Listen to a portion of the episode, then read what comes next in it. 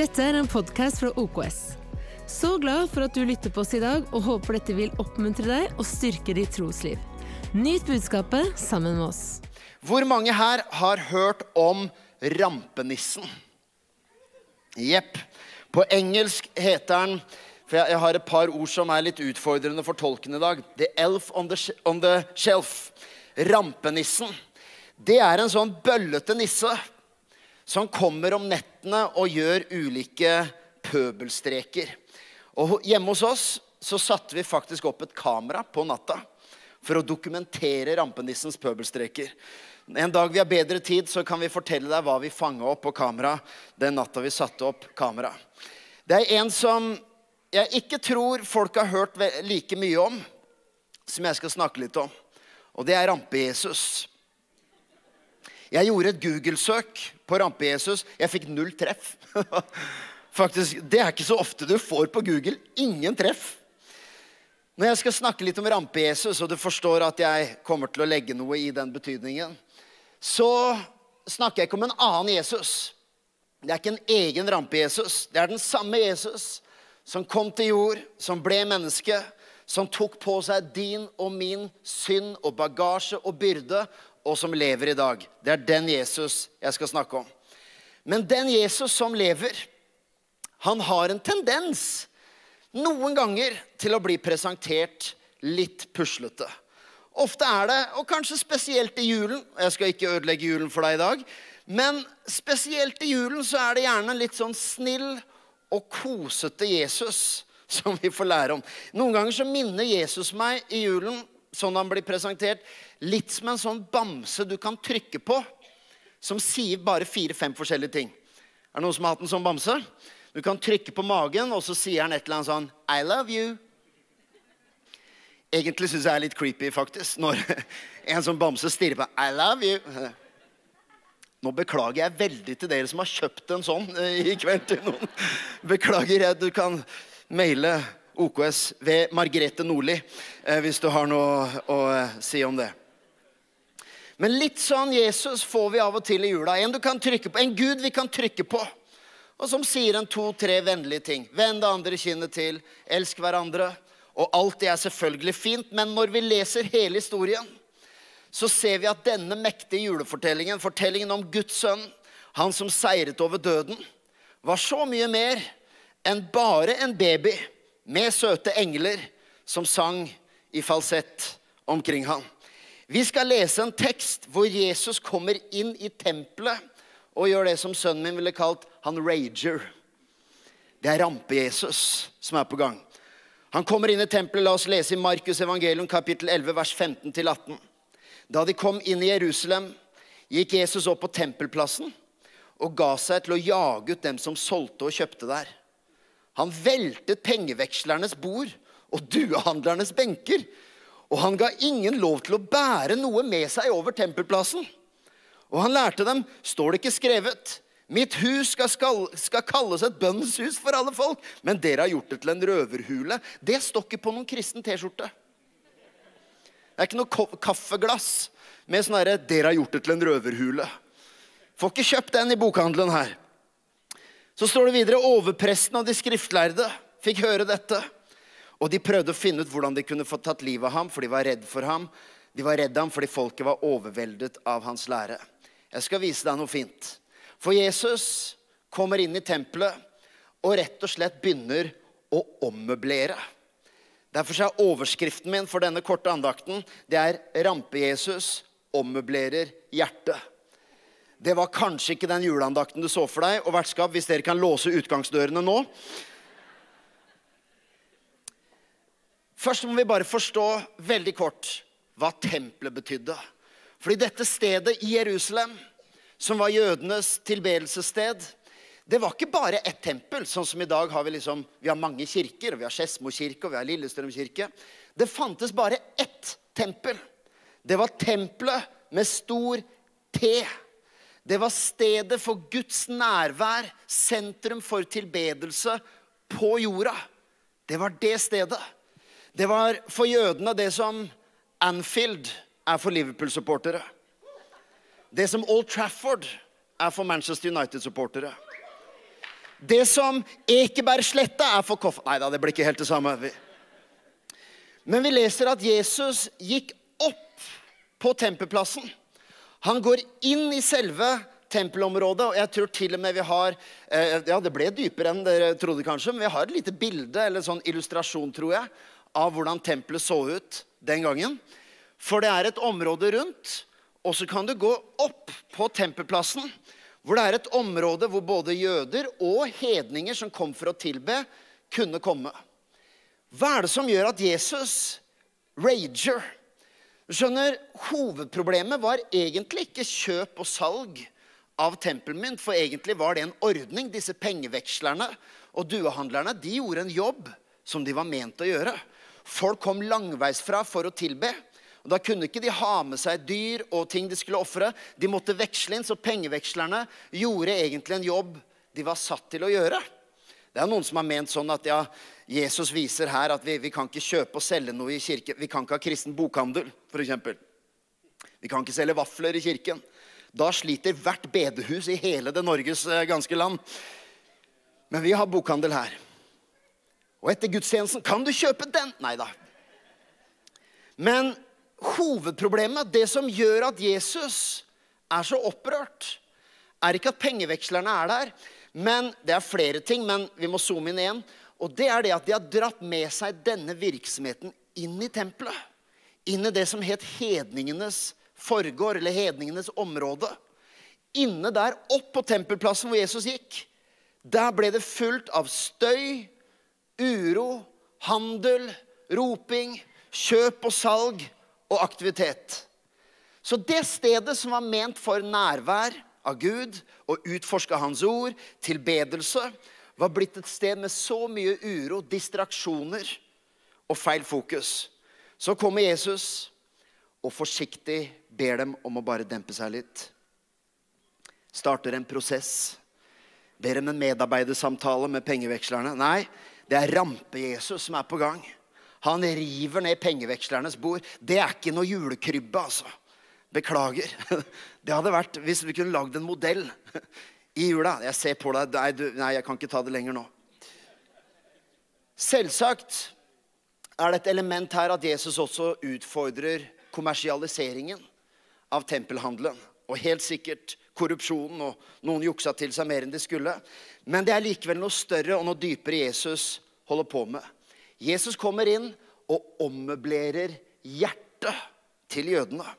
Se for deg nå at dette tempelet, dette fysiske bygget som Jesus kommer inn i, et stort bygg med en stor forgård og så et, et hellig rom innerst Se for deg at dette stedet er i dag et bilde på ditt og mitt hjerte. Det er et hjerte. For den gangen var det hjertet av gudstilbedelse på jorda. Og faktisk er det sånn i dag, etter at Jesus gjennomførte sitt frelsesverk, etter at han døde og sto opp igjen, så er det ikke lenger fysiske bygninger eller templer som Gud bor i. Det står faktisk helt konkret at det finnes et tempel her inne. Du kan ta så bare helt forsiktig. Skal ikke aktivisere deg mer enn dette, men du kan bare tappe litt med fingeren på hjertet ditt. Tappe litt på hjertet. Det fins et tempel. Det er et tempel. Det står i 1. Korinterbrev 3,17.: Guds tempel er hellig, og dere er dette tempelet. Vers 16 sier, 'Vet dere ikke at dere er Guds tempel, og Guds ånd bor i dere?' Efesene 3,17 sier, 'Må Kristus ved troen bo i deres hjerter', og dere står rotfestet og grunnfestet i kjærlighet.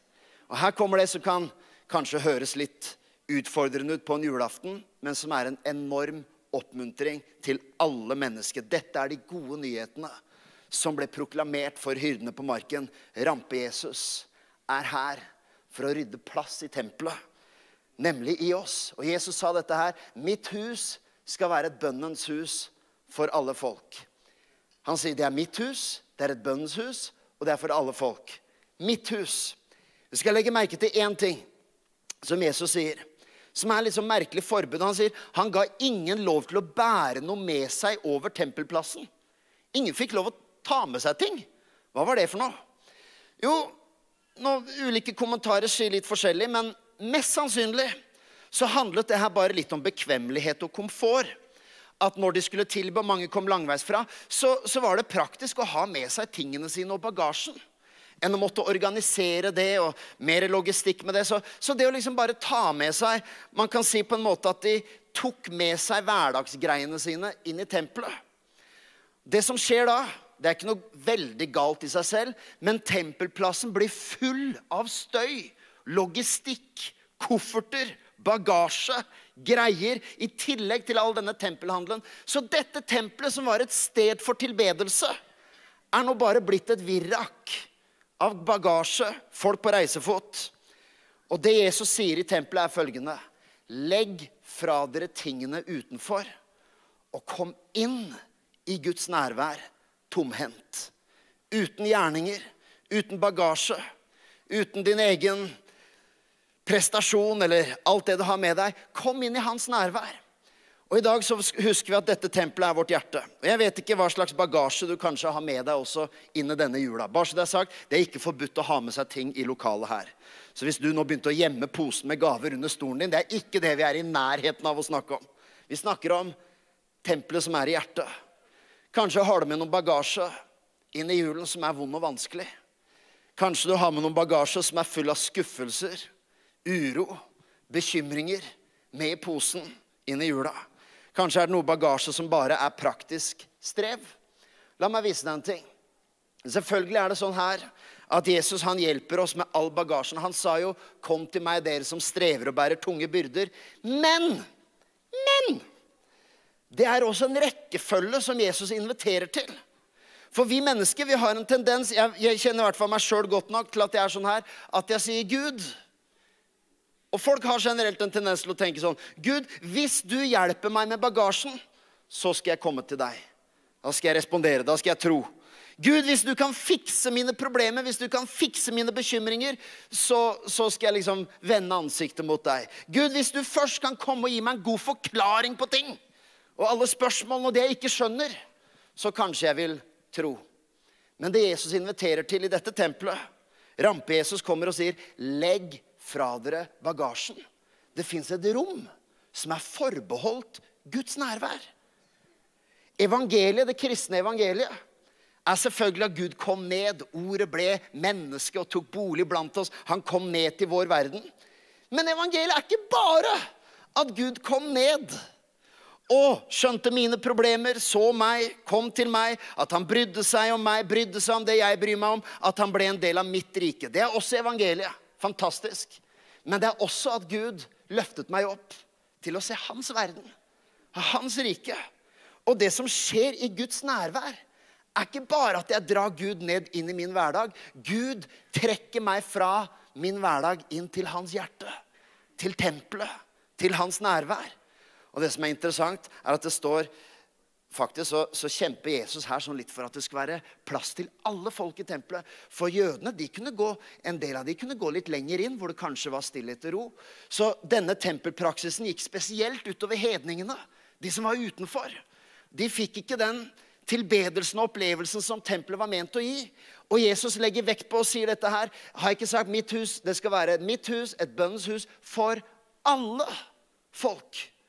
Så i dag, dette tempelet det er ikke bare til noen religiøst anlagte. Det er ikke bare til pastorer og prester eller folk som driver med ting i kirken. Det er det som englene sang. Jeg forkynner dere en stor glede for hele folket, for alle folk. Og det er også det Jesus kjemper for her. Det skal være rom til Det fins et tempel i alle. La meg gå til den neste, og vi avslutter med den. Jesus sa dette er mitt hus. Og Det fins et element av det at dette hjertet fins et rom som er hans. Og så sier han det er et bønnens hus. Vær med de siste par minuttene. Jesus kom inn i tempelet, og han så alt som skjedde. Han så handelen, han så pengevekslerne, han så all bagasjen som folk hadde med seg. Og så sier Jesus, 'Dette stedet er jo ment for bønn.' Og her syns jeg det er en nydelig ting. Jesus, vi vet nå at tempelet, det er i oss. Det er der Kristus ønsker å bo i hjertene. På samme måte som Jesus kom inn i tempelet. Jesus sa jo ikke at nei, det er, feil å ha bagasje med seg i livet. Det er ikke lov. Det var ikke det han sa. Jesus sa ikke engang at pengevekslere må ikke finnes i nærheten av tempelet. Han bare sa det fins et rom som er forbeholdt bønnen. Er det Jesus sier. Og i dag så sier jeg også til deg i en eh, litt frisk juleandakt så sier jeg at for alle mennesker sier ikke Jesus at det er feil å ha med seg bagasje, men han kommer inn i hjertet og sier midt i all uro, midt i all støy, så fins det et rom i alle mennesker som er ment for bønn.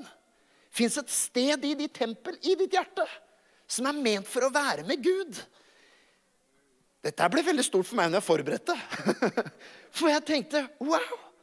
Ja, selvfølgelig er jo, men Kanskje du tenker men Thomas, Jesus er i alle ting i hverdagen. Han er der ved oppvasken. Han er der når jeg ser på stream og jeg står ved kjøkkenbenker. Selvsagt er Gud i alle ting. Men vi må også få litt grep om det Jesus sier her. For det kan fort bli litt sånn at ja, Jesus er i alt og ingenting. Men det Jesus sier, er jeg må rydde litt plass i tempelet. Jeg må velte noen bord. For det fins et rom som er forbeholdt bønn i alle menneskers liv. Som er forbeholdt Guds liv. Som er forbeholdt at du skal bli kjent med Han. Se Han. Føle han, og Av og til så må man kanskje ikke bare si 'Gud, jeg har med all denne bagasjen', og hvis, hvis du kan ta det, så, så, skal jeg fikse. Jo, Jesus tar våre byrder. Men Jesus inviterer også og sier, 'Legg fra deg bagasjen og prøv å komme inn i mitt nærvær' Å komme uten både byrder og bekymringer, men også uten våre moralske prestasjoner. For av og til så er det sånn kan være en bitte, bitte liten risiko i julen for at alt det fine og det koselige Og det er verdens koseligste dag for mange, men ikke for alle. Det kan være at alt det fine sperrer litt øynene fra det mektige som Jesus kom for å gjøre. Rampe-Jesus. Og ikke være redd som pastor og som prest. Det er jo selvmål karrieremessig å prøve å ta fra deg juletradisjonene i en julaftenpreken. Så sprø er jeg ikke. Da ber jeg om bråk. Eller Margrethe ber om bråk på sin uh, innboks. Men hør her. Det fine vi føler når vi synger 'Engler daler ned i skjul', det er flott, det er vakkert, vi elsker det. Det er ikke sikkert at det er det gudsnærværet som er det herre tempelplassen som er forbeholdt i ditt hjerte. Og hvorfor er det viktig å si? Jo, fordi hvis du ikke føler noe spesielt, hvis du har dårlige minner med jula, og det ikke var noen sånn veldig positive vibber med de tingene, så betyr heller ikke det at det er mangel på gudsnærvær. Budskapet er dette her, at uansett hvem du er, så finnes det et rom av tilbedelse. Og Jesus ønsker, midt i våre meninger Vi kan komme så høylytt med alle våre standpunkter og våre bekymringer og meninger og hit og dit. Så sier Jesus, la meg rydde unna litt. Sånn at vi kan finne den veien. Det står at Jesus kom for å bane en ny og levende vei den er selvfølgelig gjennom hans nåde, gjennom hans tilgivelse, gjennom hans kjærlighet. Men av og til så er det sånn at rampe-Jesus kommer Når jeg sier rampe-Jesus, han det er en kjærlig rampe-Jesus. Han kommer ikke for å gjøre pøbelstreker i hjertet ditt. Han kommer ikke for å ødelegge. Men han kommer for å av og til velte bort noen ting som plager og forstyrrer, og som støyer, og som vi roper høyt om. Så sier Jesus, legg bort det her nå, for det fins en plass i hjertet i alle mennesker som er forbeholdt et liv med Gud.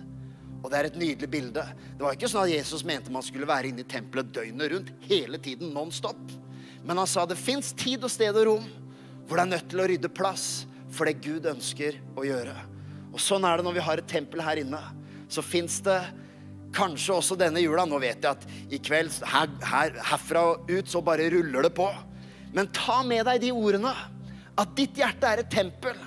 Og av og til så kan vi synge at engler daler ned i skjul, og vi kan ha håper å si, den snille Jesus som trykker på, som sier noen faste, fine ting. Men husk også at Jesus kom for å rydde og for å virkelig gjøre plass.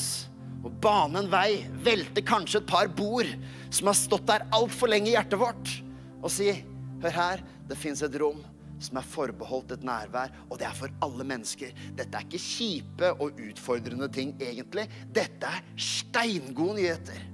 Uansett om du har julestemning eller ikke julestemning, om du liker julesanger eller ikke julesanger, enten du føler deg spirituelt anlagt eller ikke spirituelt anlagt, eller du til og med kommer her kanskje fra et annet tro og aldri har feiret jul på den måten, til alle sammen så proklamerer jeg Jesus kom for å rydde vei til det tempelet, som ikke er en fysisk bygning, som ikke er hellige folk eller hellige steder eller hellige tider, men hellige hjerter fordi Jesus kom for å ønske å ta bolig, så du kunne bli kjent med han personlig.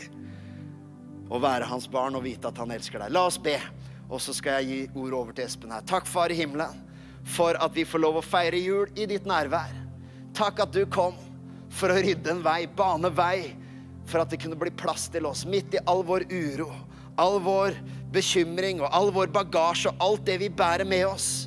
Herre, jeg ber om at denne julen så skal også noen mennesker finne det rommet hvor man kan legge fra seg alt det man bar på.